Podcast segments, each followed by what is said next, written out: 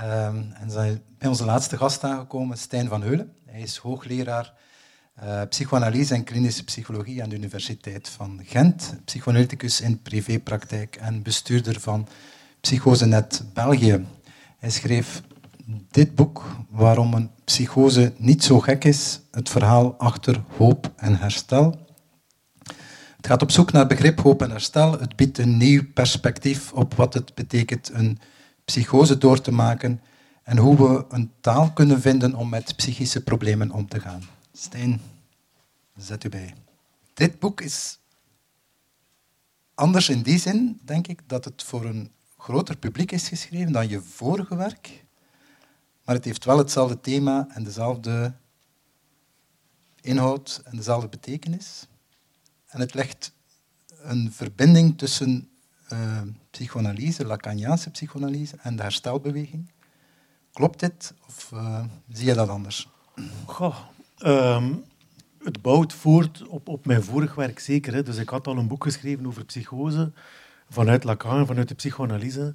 En um, dat is eigenlijk een zeer abstract en een zeer moeilijk boek. Ik heb er zelf veel aan gehad om dat te schrijven. Dat was verhelderend. Maar tegelijkertijd heb ik een aantal ontmoetingen gehad nadien met mensen. Um, met Brenda Frooyen bijvoorbeeld, die mij vertelde, zij was toen webredacteur van Psychosenet, wij zaten regelmatig samen, en zij zei mij, toen dat zij in haar psychose zat, dat zij verschillende boeken gezocht heeft om te lezen, en dat ze ofwel terecht kwam bij zeer medisch georiënteerde boeken die haar eigenlijk geen hoop gaven, en dat ze geprobeerd heeft om een aantal andere boeken te lezen, zoals mijn eerste boek over psychose, of het boek van Darien Lieder, Wat is waanzin?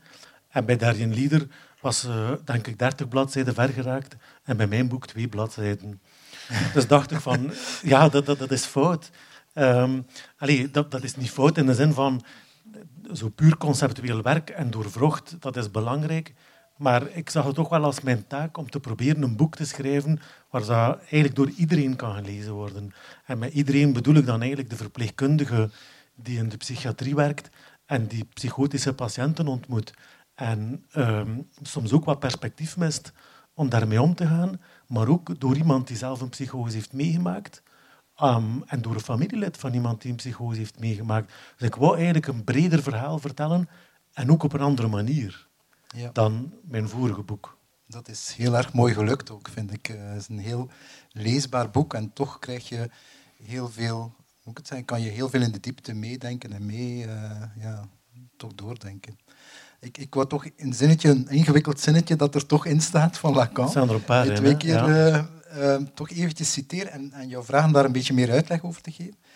Uh, het wezen van de mens kan niet, enkel, kan niet enkel niet begrepen worden zonder de waanzin. Het zou ook niet het wezen van de mens zijn als het in zich ook niet de waanzin meedroeg als limiet van zijn vrijheid. Ja, dat is de moeilijkste zin uit het boek. Hè, ja, dat is de moeilijkste. We beginnen met de moeilijkste. Ja.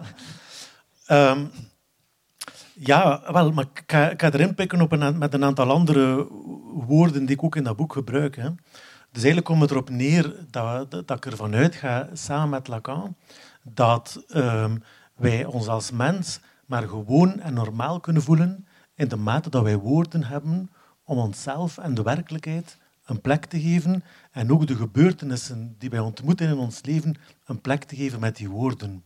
En dus in die zin draagt iedereen, elke mens, of de mens toekoer, de mogelijkheid in zich om die verhalen radicaal te verliezen. En zo eigenlijk radicaal uit te komen bij een punt waarbij dat jijzelf en de werkelijkheid geen vast statuut niet meer heeft. En dat is denk ik het punt van de waanzin. En dat is voor mij een fundamentele mogelijkheid voor ons allemaal als mens.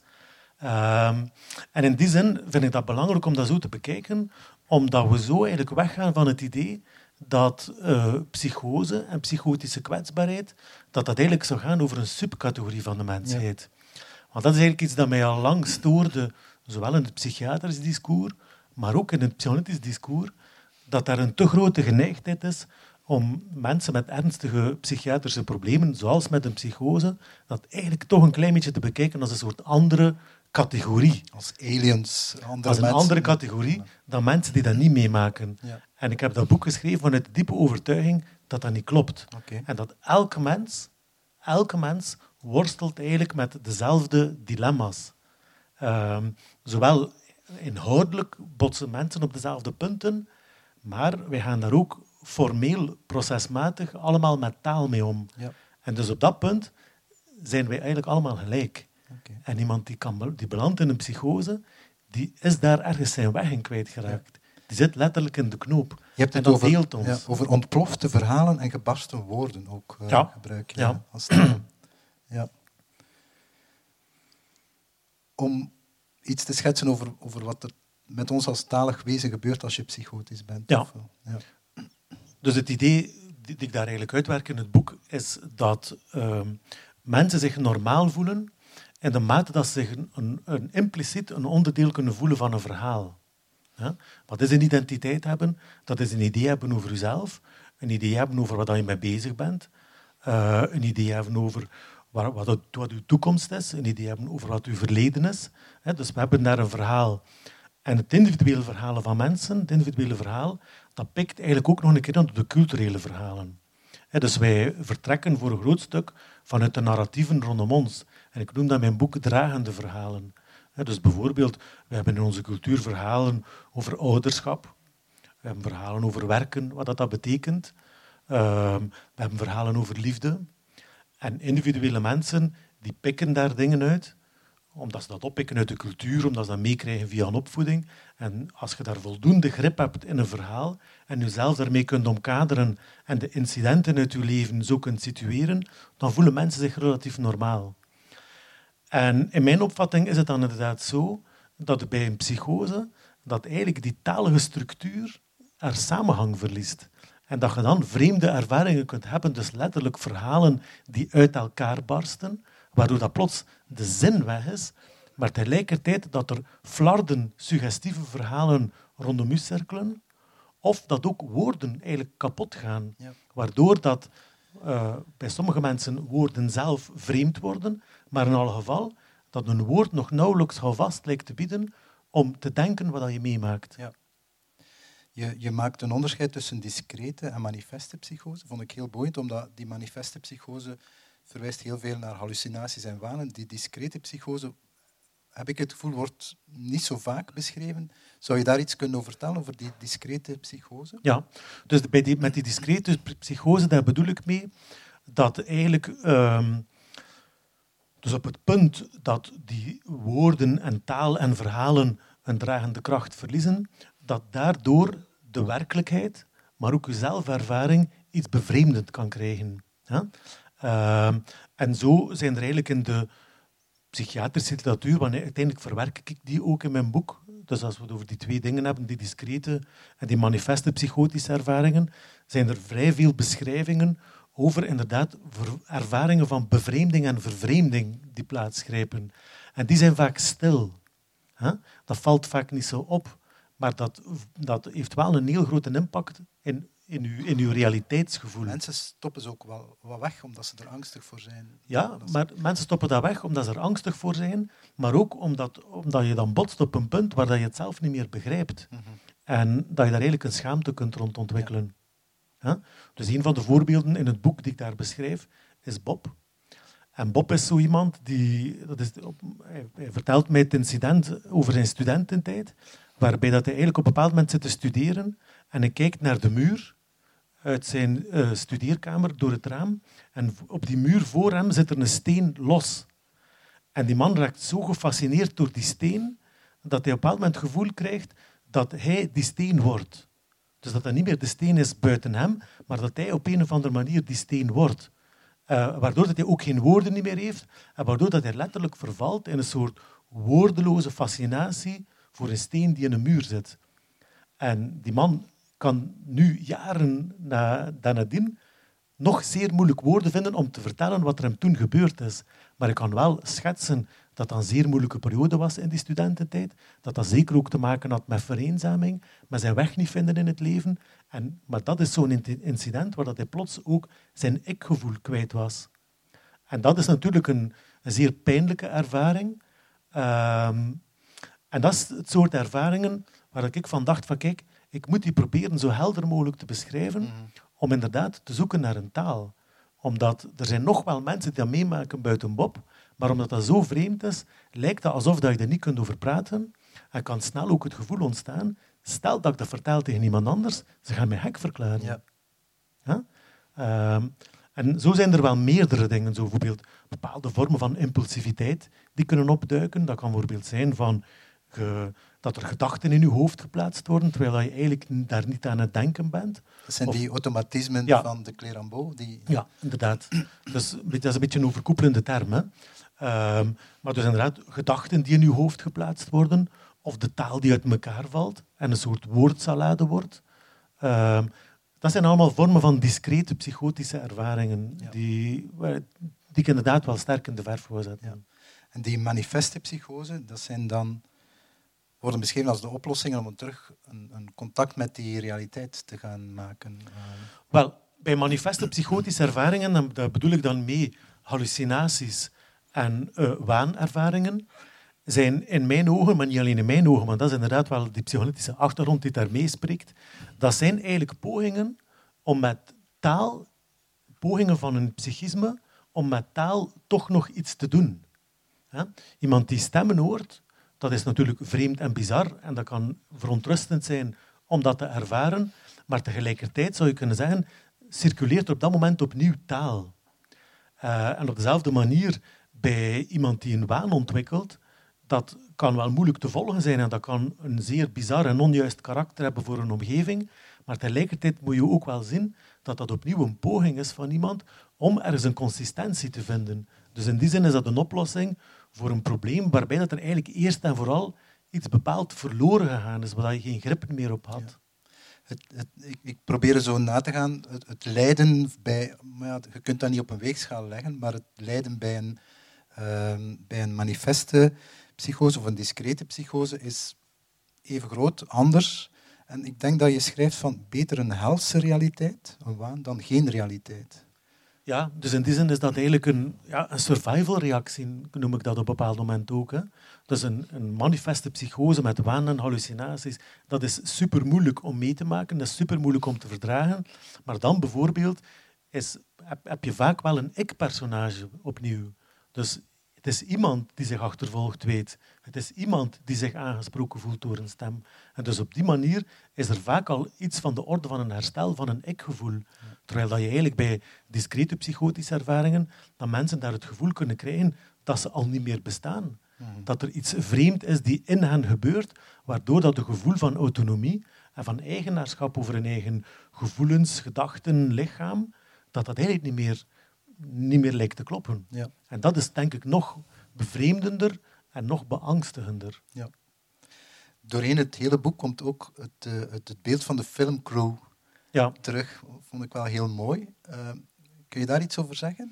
Wel, eigenlijk was mijn idee, ik, ik probeerde zo'n beetje te vatten van wat gebeurt er eigenlijk in ons hoofd als wij ons gewoon voelen. Eh, zo iemand die zich gewoon voelt, wat doet hij eigenlijk? En eigenlijk vergeleek ik dat inderdaad met, met een filmploeg. Want op een of andere manier zijn we dan bezig met een scenario. Dus iedereen van, die zich redelijk gewoon voelt, die heeft het gevoel dat hij in een verhaal zit. Het verhaal van ik heb de trein genomen naar, naar Brussel hier, ben dan naar hier gewandeld, nu zitten we hier te babbelen. Dat is op een of andere manier een soort narratieve continuïteit. Eén lijn van de film. Tweede lijn van de film, dat is dat we onszelf ook beschouwen als een soort acteur. Iemand die zich een ik voelt, die voelt zich een personage. Ik ben een personage die een ander personage ontmoet. En dat past dan binnen een scenario, maar dat is niet alleen maar een, een, een narratief, maar ik zit daar ook in. Dus ik ben ook een acteur. Maar ik ben ook een regisseur, want ik heb ook het gevoel dat ik dat onder controle heb. Net zoals een regisseur zijn crew aanstuurt, heb ik ook het gevoel dat ik beslist heb om naar hier te komen. Allee, je hebt me eerst uitgenodigd. Hè? En dan heb ik dat gezegd dat ik ging komen. Maar ik heb daar ergens de regie in handen. Ja. En dan tegelijkertijd zijn we ook nog een keer een toeschouwer. Want vooraleer dat ik hier zat met jou te praten, kon ik mij al inbeelden dat ik hier ging zitten. Hè? En ook al zit ik nu te praten naar ze van nu, op een of andere manier kan ik ook kijken naar ik die dat zit te doen. Ja. En ook ben ik nog een keer een commentaarstem. Ja. Want ik kan dat, daar is bepaald over vinden. Bijvoorbeeld, ik kan nu vinden over mijzelf dat ik het goed aan het uitleggen ben. Of ik kan ook nu vinden van mijzelf van zou beter zwijgen dat Peter aan het woord laat. Ja. Ja? Dus dat is de gewone realiteit van een mens. Eigenlijk een zeer ingewikkelde realiteit. Als je Ja, we zijn allemaal ingewikkeld. Ja. Hè? Maar bij een psychose gaan we vaak zien dat er één van die componenten op een of andere manier verdwijnt uit die controle. En ofwel kan dat dan zijn dat dat scenario niet meer lijkt te kloppen, dat je het gevoel hebt in, dat je in een leven zit die vreemd is. Hè? Ehm, maar dat kan ook zijn dat plots die commentaarstem begint te praten. Dan is er plots een stem die buitenaf commentaar heeft op u. En dan schrikt je. Of dat kan ook zijn dat je het gevoel hebt dat, dat, je onder, dat er een oog is die meekijkt. Dat, dat er een observatie is van u, dat u privacy kwijt bent. Of dat je de regie niet meer in handen hebt. Dat er iemand is die u manipuleert, of een kracht is die u manipuleert. Dus in die zin heb ik die filmmetafoor inderdaad wat gebruikt als een rode draad, om ook ehm, dat wat mee begrijpelijk te maken. Mhm. Om mee duidelijk te maken ook van, ja, maar iedereen hoort wel interne commentaarstem en, en in een psychose kun je die van buitenaf horen. Wat is het verschil? Ze is van buiten of ze is van binnen. Maar op zich is dat niet zo vreemd Ja, om een commentaarstem vreemd, te horen. Ja? Dus iemand die dat meemaakt, die maakt eigenlijk op een specialere manier iets mee dat andere mensen ook meemaken. Dus heeft het eigenlijk ook geen zin als we werken met iemand die zo'n commentaarstem hoort, om die eigenlijk als super bizar, als een andere categorie mensen te bestempelen. Ja. Dat is eigenlijk mijn, mijn betrachting dan, als ik die metafoor gebruik, om er vooral te zorgen voor een verhaal over gemeenschappelijkheid tussen mensen. Ja. Je schrijft ook, levensverhalen zijn beslist niet de oorzaak van een psychose, ze hangen er wel mee samen. Ik ga eerst eh, even laten... eh, Verschiet ervan. ja, merk het.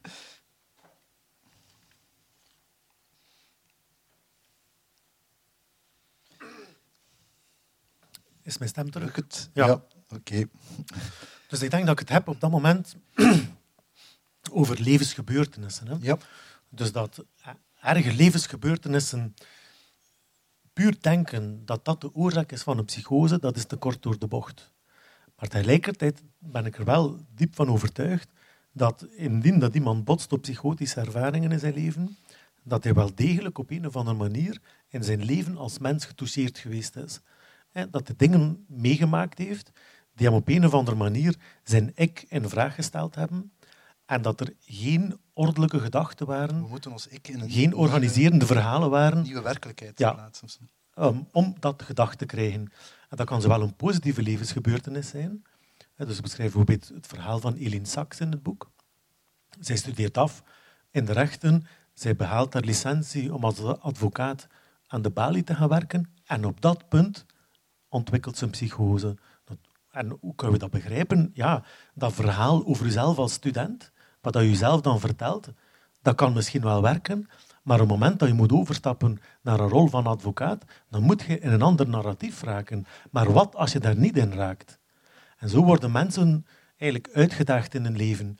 Bijvoorbeeld op het punt van de liefde, bijvoorbeeld op het punt van de dood, bijvoorbeeld op het punt van de keuze die we maken in ons leven, of de dingen, de wensen die we hebben die niet vervuld raken. Hè? Dat daagt een mens uit. En op dat punt denk ik, en daarom is een psychose diep menselijk, kunt je de realiteit verliezen, omdat er geen woorden niet meer zijn. Maar we botsen daar op dat moment op een, op een diep menselijke kwestie die iedereen eigenlijk principieel kan tegenkomen in zijn leven. Het benaderen van iemand die psychotisch is, ehm, zeg je eigenlijk van het is, het is heel belangrijk om te luisteren, want hoe vreemd of hoe raar het ook is wat iemand vertelt, er, er zijn wel linken met zijn leven, zoals dat net eigenlijk ook wel schetst, met zijn leven. Dus het is belangrijk van daarnaar te luisteren, als, luisteren als naar een soort van expressieve act.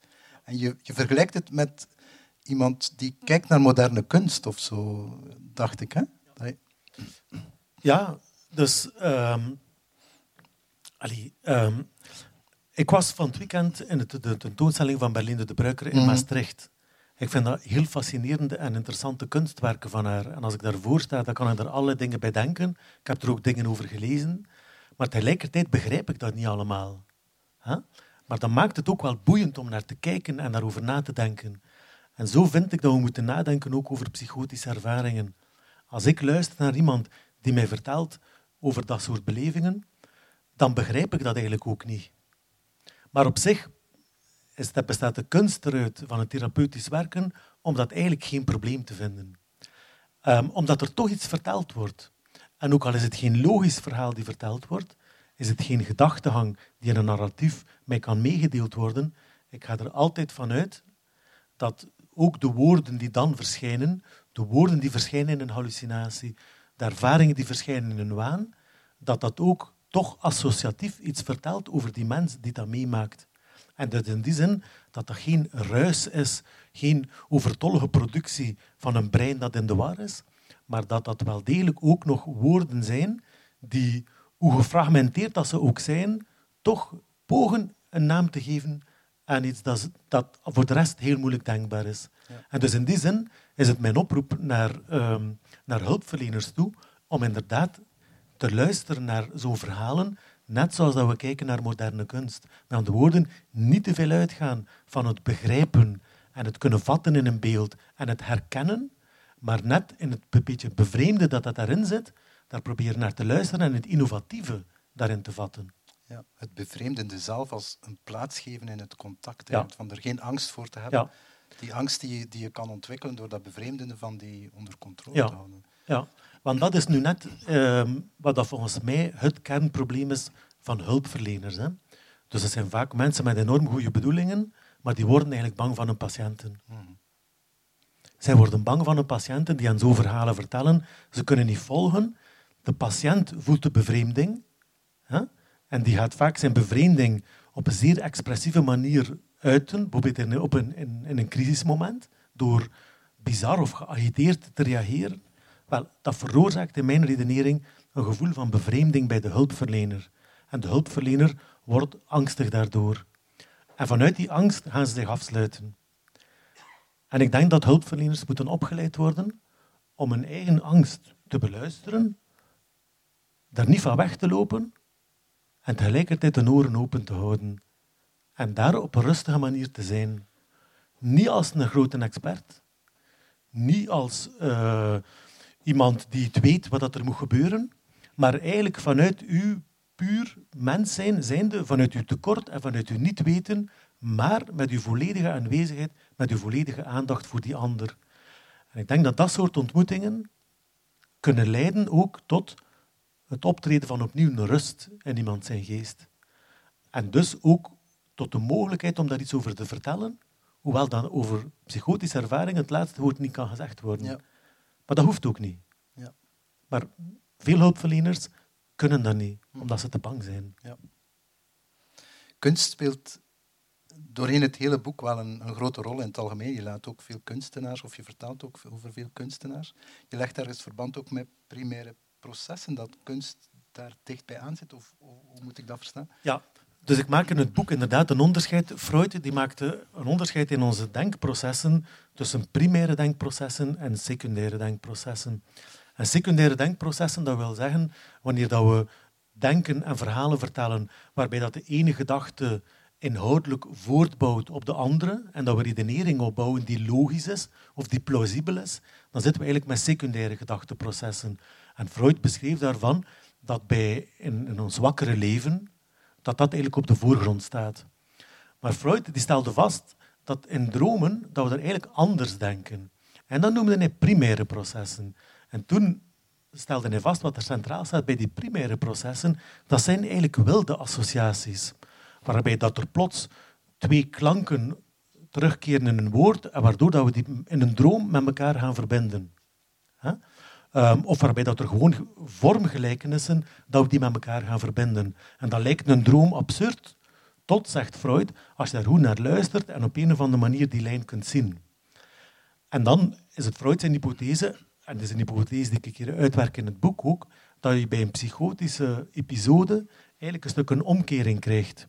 En dat bij een psychotische episode die puur associatieve vormgelijkenissen op de voorgrond komen te staan uh, in het wakende leven.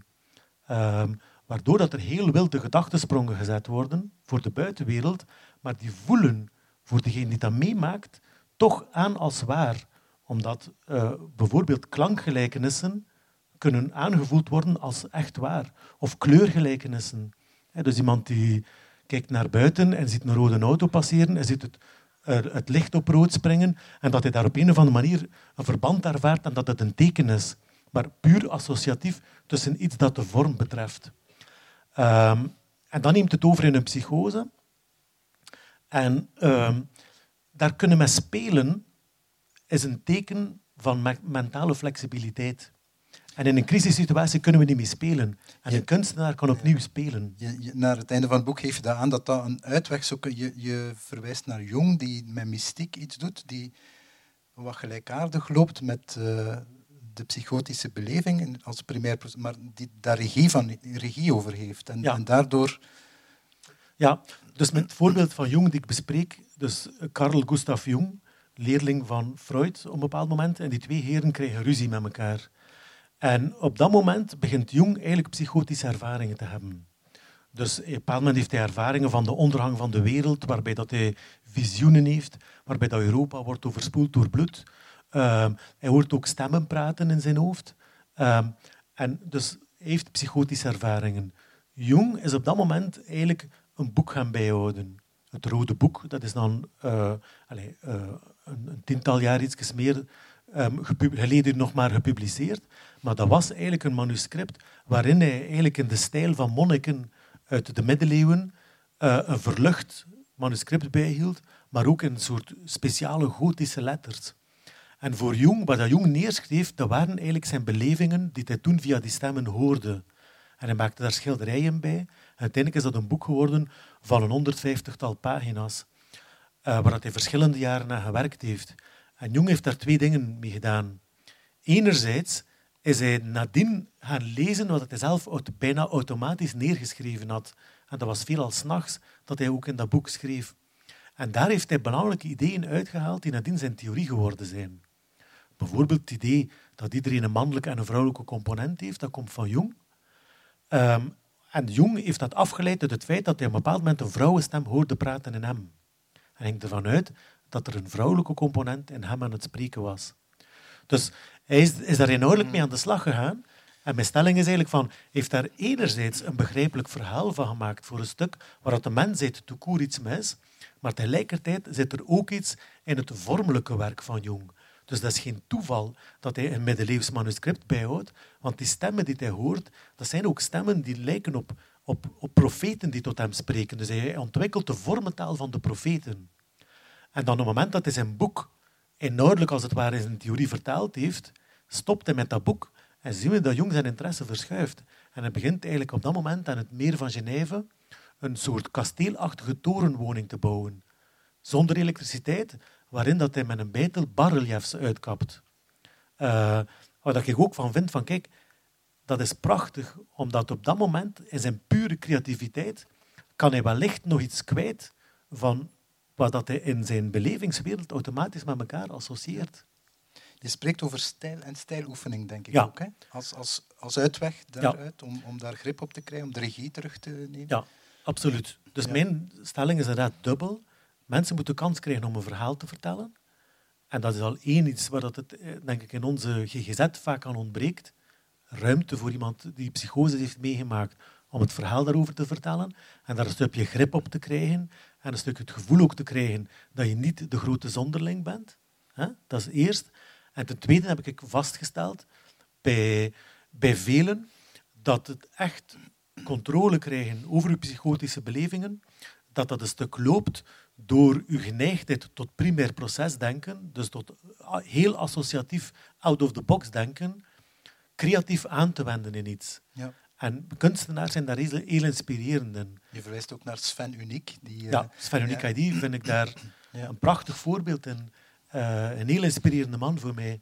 En hoe dat hij inderdaad uh, aanvankelijk de beklemming van een psychose moet meemaken, maar eigenlijk ook dankzij een gelukte ontmoeting met een psychiater wordt aangezet om zijn creativiteit aan te wenden en vanuit zijn creativiteit een nieuwe vormentaal te ontwikkelen. En waar hij effectief in slaagt door heel out-of-the-box projecten te kunnen maken die eens dat ze gerealiseerd zijn, eigenlijk echt wel een hele groep mensen kan inspireren omdat hij bijzonder interessante metaforen vindt die andere mensen niet vinden. Ja. Dus in die zin is er vaak bij mensen die vanuit dat soort creatief denken vertrekken, die hebben ook iets bij te dragen aan onze cultuur.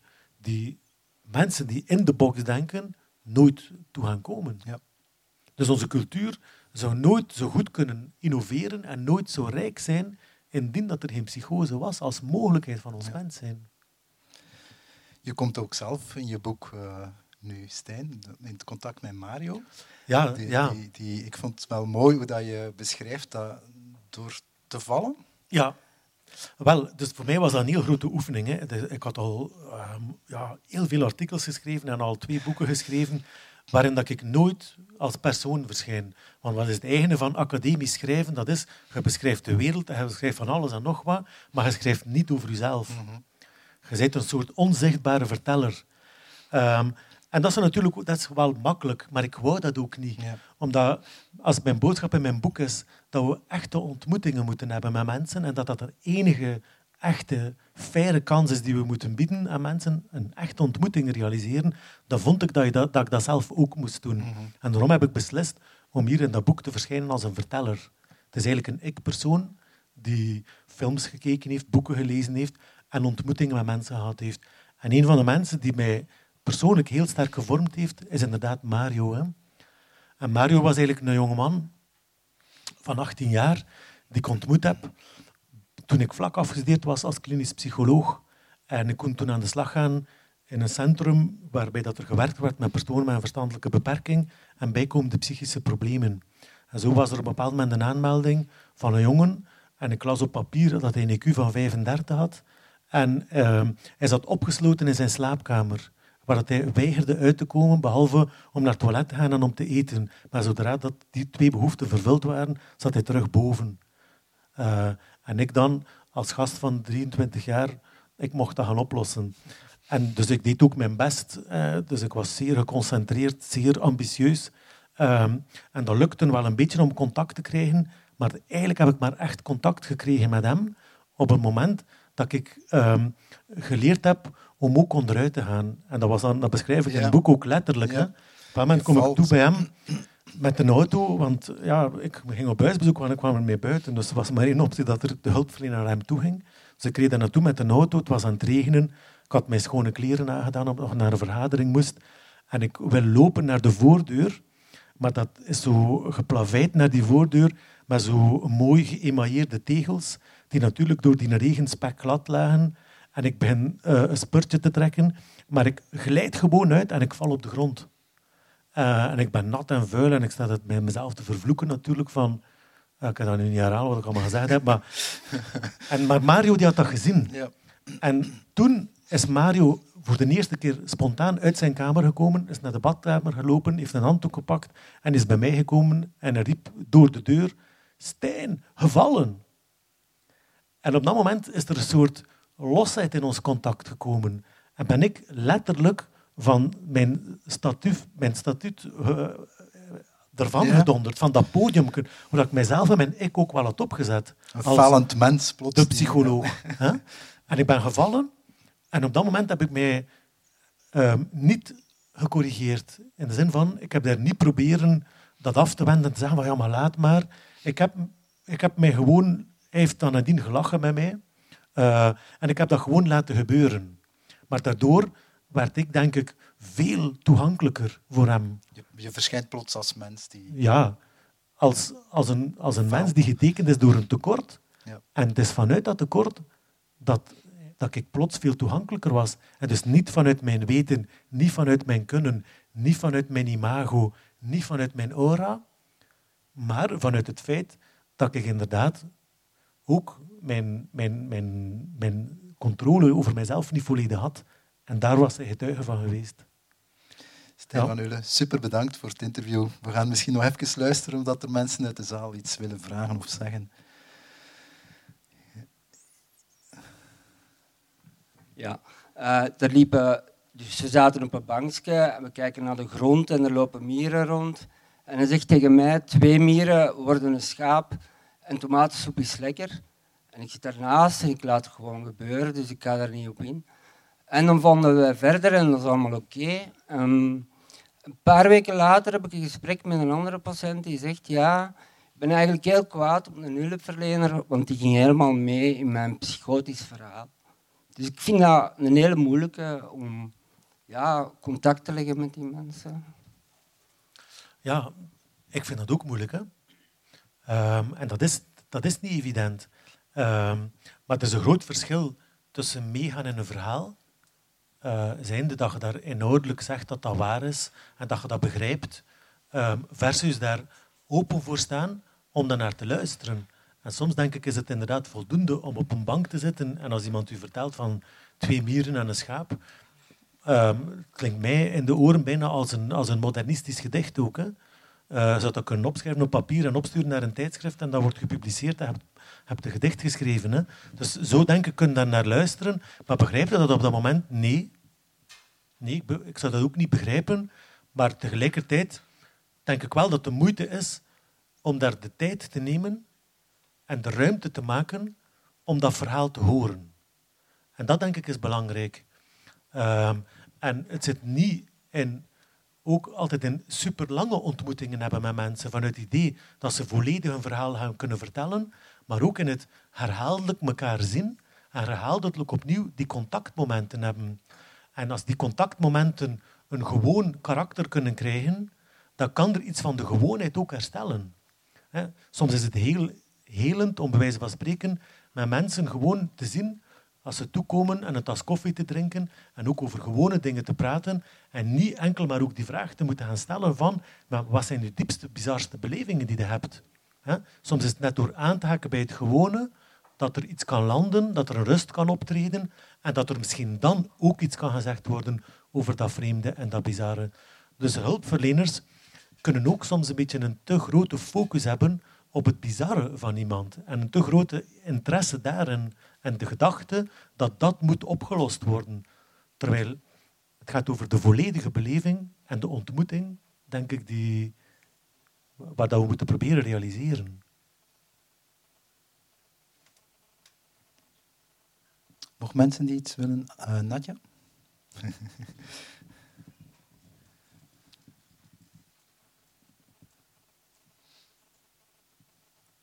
ja, ik, ik uh, als persoon met ervaring met psychose kan ik aan Tom zeggen dat um, gewoon zeggen dat je het niet begrijpt ook geen, ook geen probleem hoeft te zijn. Dus authentiek zijn, er onderuit gaan, zeggen van ik weet het eigenlijk niet, ik kan niet meer volgen. Toen ik 24 was en, en in een psychotische toestand in een ziekenhuis was in Brussel, een paasafdeling, in een algemeen ziekenhuis, waren er twee mensen die tot mij konden doordringen. Dat was mijn zusje, die was zeven jaar jonger. Ik was 24 en zij wou naar haar lief toe gaan, dus die bezoekers vond ze eigenlijk vervelend en ze liet dat ook blijken. En dat was een heel normale reactie van een adolescent van zeg, allez, ik vind dat, doe eens normaal, zo, tegen mij. En daardoor kwam ik terug in de realiteit. Um, mijn een andere, een hele goede vriendin, die deed hetzelfde. Van zeg, je, uh, je maakt me bang uh, door de manier waarop dat jij spreekt en doet. Maakt je mij bang. Het moeilijkste was mijn mama. Die had echt schrik voor mij. Die dacht ook dat ik een tumor had in mijn hoofd. Dat moest onderzocht worden volgens haar. Uh, en zij, zij was angstig. Maar zij dat niet. Maar ik zag het zo in haar ogen. En dat was voor mij als een allez, olie op het vuur. Dus de mensen die dichtst bij mij stonden, mijn moeder, mijn zus en eh, die goede vriendin, die zagen mij alle drie even graag waarschijnlijk. Alleen mijn zus, dat is een toffe zus, maar die, was die had toen zin om naar haar lief te gaan en niet iedere week op bezoek te moeten komen. Um, om maar te zeggen van, als je authentiek zegt van, zeg ik vind het niet tof, of doe eens gewoon, of je maakt mij bang, dan kan je... Ik zeg niet dat dat bij iedereen... Dat was bij mij zo in ieder geval. Dan kon je tot mij doordringen. En die, die, die vriendin die zei mij ook van... Jij waart eigenlijk redelijk helder als ik bij je op bezoek kwam. Als, allez, als, ik, als ik zei van... Nu kan ik u niet meer volgen, spreekte ze wat trager. Dan, dan kwam dat weer goed. Ja, wel... Maar wat ik daar vooral uit weerhoud ook, dat is eigenlijk dat het niet is door speciaal te doen tegen mensen dat je ze gaat helpen, maar inderdaad een gewone, gewone omgangsvorm te vinden. En in die zin, inderdaad, als je een verhaal niet begrijpt, dat ook zo te zeggen dat je het niet begrijpt. Maar het is niet omdat je zegt dat, dat, je, dat, je, dat je het niet begrijpt, dat je er wel wegloopt. Hè? Of dat iemand de mond snoert. Dus gewoon eerlijk reageren in hoe dat je het ervaart en tegelijkertijd blijven aanwezig zijn voor iemand. Dat denk ik is superbelangrijk. En een laatste opmerking dat ik had, dat is iets dat ik me ook heel goed herinner van als ik 24 was in een, uh, een ander ziekenhuis. Dat volgde op de paasopname in, in uh, het maakt niet uit waar. Uh, dat was, kort geschetst, ik vond dat er iets heel onrechtvaardig gebeurde in de tv-kamer, omdat er een meisje was die eigenlijk... Het was duidelijk dat zij graag iets wou zien op tv. Ze herhaalde iedere keer het programma dat ze wou zien op tv, maar echt van thuis, thuis, thuis. Ik weet niet of het thuis was, maar thuis, thuis, thuis, thuis. En de anderen die, die tv-afstandsbediening uh, hadden, wouden haar dat niet, laten, wouden haar dat niet geven, maar waren ook niet naar tv aan het kijken. Dus ik naar, naar uh, de verpleegpost van zeg, allez, zij wil thuis zien. Uh, en die verpleegster zei, zei, jij weet niet wat dat zij wilt. Jij weet niet wat dat zij wilt. En dan vond ik dat zo onrechtvaardig, want ik dacht, ja, ik zit al een half uur de scène te bekijken. Oké, ik ben misschien manisch of psychotisch volgens uw begrip. Maar ik heb wel door dat dat meisje graag naar thuis wil kijken. Dat de anderen misbruik maken van hun positie, dat ze de afstandsbediening niet willen delen met die vrouw die alleen maar één woord kan uitspreken. Dus ik werd boos op de verpleegster. Ik zie in haar ogen dat ze dat niet tof vindt dat ik boos word, want ja, boos, psychotisch is gevaarlijk. En ik merk dat op een of andere manier, dat ze mij als een bedreiging ziet. En in reactie, en om maar te tonen hoe dingen kunnen escaleren, neem ik het glas water dat ik voor mij had staan en smeet ik dat in gruizelementen, heel de gang vol met glas en water. Niet tof voor niemand. En dan, ik ben gelukkig die keer niet in de isoleercel beland, wat al in andere situaties wel gebeurde, maar ze, ze zei zo, uh, alsof ik een kind van vier was, naar uw kamer. dus het is niet verder geëscaleerd toen, maar om maar te zeggen, van, als, zij nu, als zij nu gewoon gelooft wat ik zei. En, en, en ja, maar dat was niet haar prioriteit. Of, dat is een klein... Dat is een klein allez, het feit dat ik mij zo helder herinner, herinner is ook teken dat ik waarschijnlijk redelijk uh, bewust was van wat er zich afspeelde. Uh, geloofd worden, uh, Nadja. Als je geloofd zegt, worden, ja. Gehoord worden en, en geloofd worden. Zowel voor dat meisje die altijd maar repetitief hetzelfde zei, als ik die daar getuige van was. En als je dan niet gehoord wordt en je voelt je machteloos, dat is een kleine vorm van onrecht die dan niet opgelost wordt, dan escaleert dat heel snel. Ja. Ja, en daar zit een van de grote fouten, denk ik, die gemaakt wordt. Dat is dat er vaak gedacht wordt dat iemand die psychotische ervaringen heeft, dat dat volledige mentale leven, hè, dat daar enkel maar van, de, van, van ja, bepaalde associatieve, soms bizarre linken gelegd worden. Hè. Terwijl dat ja, iedereen die psychose meemaakt wel degelijk ook de, de gewone realiteit ook ervaart en die ze vanuit de gewone realiteit ook kan reageren. En een van de superbelangrijke dingen in alle vormen van hulpverlening, of dat nu is in gesprekstherapie als in een psychiatrie, zou moeten zijn dat we die gewone component, dat die volop gevaloriseerd wordt. Hè? Waar dat mensen op een gewone manier behandeld worden. Dus niet als een kleuter worden aangesproken, niet als een potentiële misdadiger worden aangesproken, maar als een gewone mens, zoals je een medemens ontmoet, vriendelijk hè, en, en onthaald worden en samen eten rond de tafel. Hè. Dat soort zaken zijn gewoon enorm belangrijk.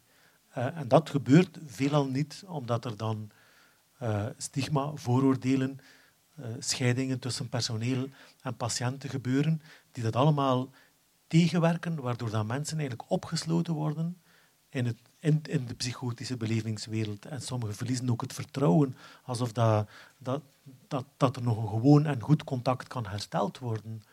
He, dus dat, dat is super erg, omdat je zo mensen verder duwt in de miserie. Ik, ik keur niet goed dat ik dat glas op de grond gesmeten met water, maar dat is een soort... Uh, dat was heel mijn issue vanaf kleins af aan is dat ik boosheid nooit heb mogen tonen. En, en in mijn psychose kwam die boosheid telkens weer naar boven, omdat het onrecht dat ik als kind ervaren had, als, dat, als ik dan merkte dat dat daar ook gebeurde, in, op andere manieren, dan, dan, dan ja, in mijn psychose kon ik mijn boosheid wel uiten. Okay. Natuurlijk niet op de, op de gepaste manier. Of, uh, ja. Oké. Nog iemand iets? Uh, een laatste opmerking of vraag? Ja. Ja, um, mijn tante is uh, vorige week, de week ervoor, uh, opnieuw opgenomen voor uh, psychose. ze hoort stem, maar ze, ze is er zich bewust van. Ze weet dat het... Ze is, en ze blijft, momenteel toch, altijd bij... Hoe zeg ik het? Ze is heel helder. Ze weet wat er aan de hand is. Ze, je kunt er gewoon een gesprek mee hebben. Je kunt ermee gaan wandelen. Als, je het niet zou, als ze het u niet zou zeggen, zou je het ook niet weten. En dat is um, in 1970 begonnen, denk ik. Ja, zoiets. Dan moet er iets gebeurd zijn. Allee, als ze er zelf niet over vertelt, is dat zo wat de regel in de familie. Ze spreekt er zelf over. Of het wordt niet naar verdere familie verteld. Uh, mijn mama weet ervan en mijn Peter weet ervan. Maar de regel is zo, als het niet zelf vertelt, als het niet aan mij vertelt. En nu leeft er zo wel de vraag van, oké, dus in het begin, als, er moet iets gebeurd zijn toen, want het is heel duidelijk van, het zijn bepaalde personen dat ze gekend heeft, die tot haar spreken en die haar opdrachten geven. En op dat moment kon ze daar niet over spreken, kon ze daar niet over delen. Sloeg ze ook iedere keer helemaal toe. Was het echt zo ja, stereotyp, psychotisch, zeg maar. En dan is dat in de, in de voorbije 50 jaar beter. En nu in de laatste 15 jaar is dat gestigmatiseerd. En is het zo wel stem, geen stem, wel stem, stem. Maar in haar functioneren verandert er eigenlijk niet veel, behalve natuurlijk de leidensweg. En is er dus de vraag, zowel naar de familie toe als naar de hulpverlener toe, allee, hulpverlening toe, van waar kan er daar dan nog iets in veranderen? We zijn 50 jaar in hulpverlening ver. Er wordt geluisterd, er wordt normaal met haar omgegaan. Allee, ik ga nu ook gewoon bij haar langs in het ziekenhuis, dat ik langs ging thuis, de kop, een kop koffie en, en een plantje of iets gaan eten. Of allee, iets, iets simpel, want ze is heel, altijd... Zolang dat ik haar ken, ik ga zo zeggen. Ik ben nog maar 23, dus ik weet niet of dat, dat altijd is. Maar heel traag in haar spreken. Maar het komt wel. Dus voor mij is er geen verandering merkbaar. Dan vraag ik me soms af, waar kan het dan nog... Kan het nog beter? Gaat het nooit beter? Is er iets in de hulpverlening dat kan dat je op dat punt dan zegt van... Want daar gaat het niet meer over gewoon haar laten zijn en zelf zijn en de ontmoeting en de taal laten komen. Want naar mijn gevoel is dat er. Ehm, ja, het is natuurlijk heel moeilijk om zo allez, over de situatie van haar een, een uitspraak te doen. Hè. Um, ja, like, ik, ik, kan er niet meteen zeggen van kijk, dit is de oplossing. Dat, ja. Dat, ja. Denk het enige dat, dat, dat belangrijk is, dat is inderdaad dat er daar die oefening altijd weer opnieuw gemaakt wordt. Van daar, van daar te zijn en daarover na te denken en daar samen te zitten en daar toch uh, de gedeeldheid rond te proberen ontwikkelen, omdat psychotische ervaringen vaak dan leiden tot een vorm van, van eenzaamheid bij haar, maar ook bij de andere familieleden tot van ja, wat is dat, we hebben er geen toegang toe. Dus een soort isolement. En denk de poging om wel degelijk daar een verbinding te zoeken en daar toch over te spreken, dat dat, dat allez, abstract gedacht, dat daar ergens de oplossing is.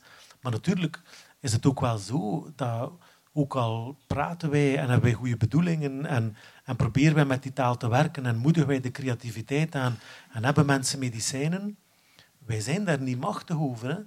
Dus er is daar iets ook aan de ervaring van psychose die ons confronteert, ook daar weer met iets van de kern van mens zijn. En dat is dat wij een groot stuk van ons eigen bestaan niet onder controle hebben. Hè? Net zoals ons lichaam kan geaffecteerd worden door een kanker. Op het moment dat we het niet verwachten en we kunnen er niets aan doen, ook al willen we genezen, zijn er dingen die ons kunnen overvallen in onze belevingswereld waar dat we geen controle over hebben. En op dat punt denk ik dat de, de, het gezamenlijk dragen van wat dat er moeilijk is in een familie of in een vriendenkring, dat dat belangrijk is gewoon om te doen. Inderdaad, ik sluit me daarbij aan. Bij mij kwam spontaan de idee op samen een weg blijven gaan. Hè. Dat is ook jouw werk, hè, Peter. Ja. Dat is inderdaad belangrijk, denk ik, van, ja, dat het niet stopt en dat vaak niet echt een einde ziet, maar dat uh, samen dragen en, en, familie en hulp verlenen en uh, degene die leidt samen uh, oplossingen zoekt. Ja.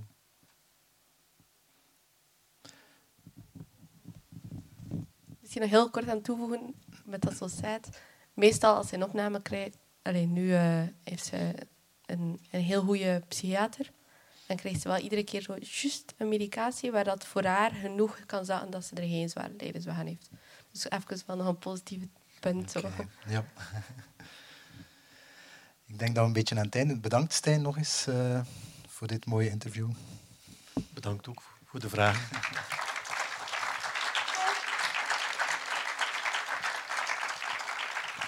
Dan eh, rest mij nog om af te sluiten deze, deze sessie, maar eigenlijk ook de vorige. Ik wil nog eens de mensen die hier kwamen spreken bedanken. Mark Kalmijn, Laura de Houwer, Leni van Goitsenhoven en Stijn van Heulen. Ik wil ook de mensen van het Muntpunt bedanken om ons hier zo mooi te ontvangen op deze plaats.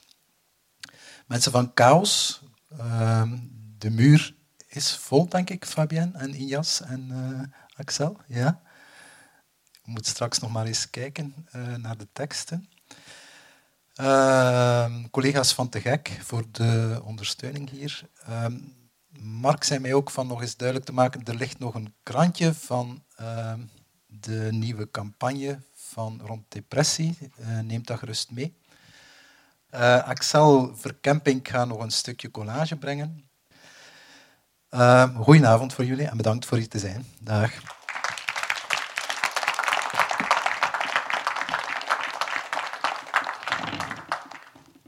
Ga op reis en ik neem mee cd's en de volledige aandacht van mijn moeder. Ze zegt, het beste bid je tot geen enkele god, je kan er weinig mee verliezen. Ga je dood, dan zie je wel. Ik zwijg. Ik hou van de stilte, zelfs al klinkt die vals. Mijn geloof is als een Mercedes-Benz. Ze knikt. Om iets gezegd te krijgen moet je niet altijd roepen. Sinds mijn laatste biecht maak ik een puzzel van elke gedachte. Het kan niet dat er een hemel is. Het kan niet dat er een Jezus is. Het kan niet dat er Maria is. Het kan niet dat er zonden zijn. Het kan niet dat die zonden worden vergeven. Het kan niet, het kan niet, niet, niet, niet. Uit duizend negaties komt soms God tevoorschijn. Dat zegt zij ook. Bent u daar, God? Bent u daar? Hoe, gaat het? Hoe maakt u het? Hoe loopt het? Hoe verloopt het met u? Zeg, um, ik heb vandaag iets besloten. Ik ben het beu om mezelf te zijn. Maar ik kon niet alles ineens vergeten. Ze zeggen dat biechten helpt. Maar ons leven komt wel in orde. Dat is wat ik denk. Ook als de kanarie niet zingt, het gaat gewoon zoals dat het gaat. Clara speelt. Twaalf putins zijn dood in het Astridpark. Het asfalt wordt verpulverd. De merel doet zijn ding. Het regent. Ik doe wat ik altijd heb gedaan. Niks. De zegswijze luidt sterven van verveling. Nu, van verveling sterf je niet, maar soms lijkt het erop. Er is een God, er is geen God. Er is een God, er is geen God. De eenzaamheid, die heb ik lief. Ik slaap in haar armen. Ik weet niet echt wat ik doe als ik niks doe. Ik heb zo net een twintigtal keer groetjes uit Westmalle geschreven. Niet per post, maar per sms. Ik wou naar de gebedsdienst gaan. Toen kreeg ik dorst en ik ben teruggekeerd. Bezig blijven is telkens opnieuw beginnen. Dat vraagt moed. Vandaag dacht ik aan de dood. Dat doe ik wel vaker. Rusland zit in mij. Spreken gaat niet meer. Zwijgen gaat niet meer. Niet meer denken, niet meer mijmeren. Mijn batterij is plat.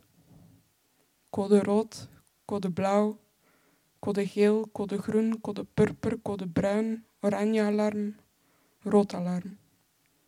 Bent u daar? Hallo? Het is oké. Ik ga trouwen met de maan.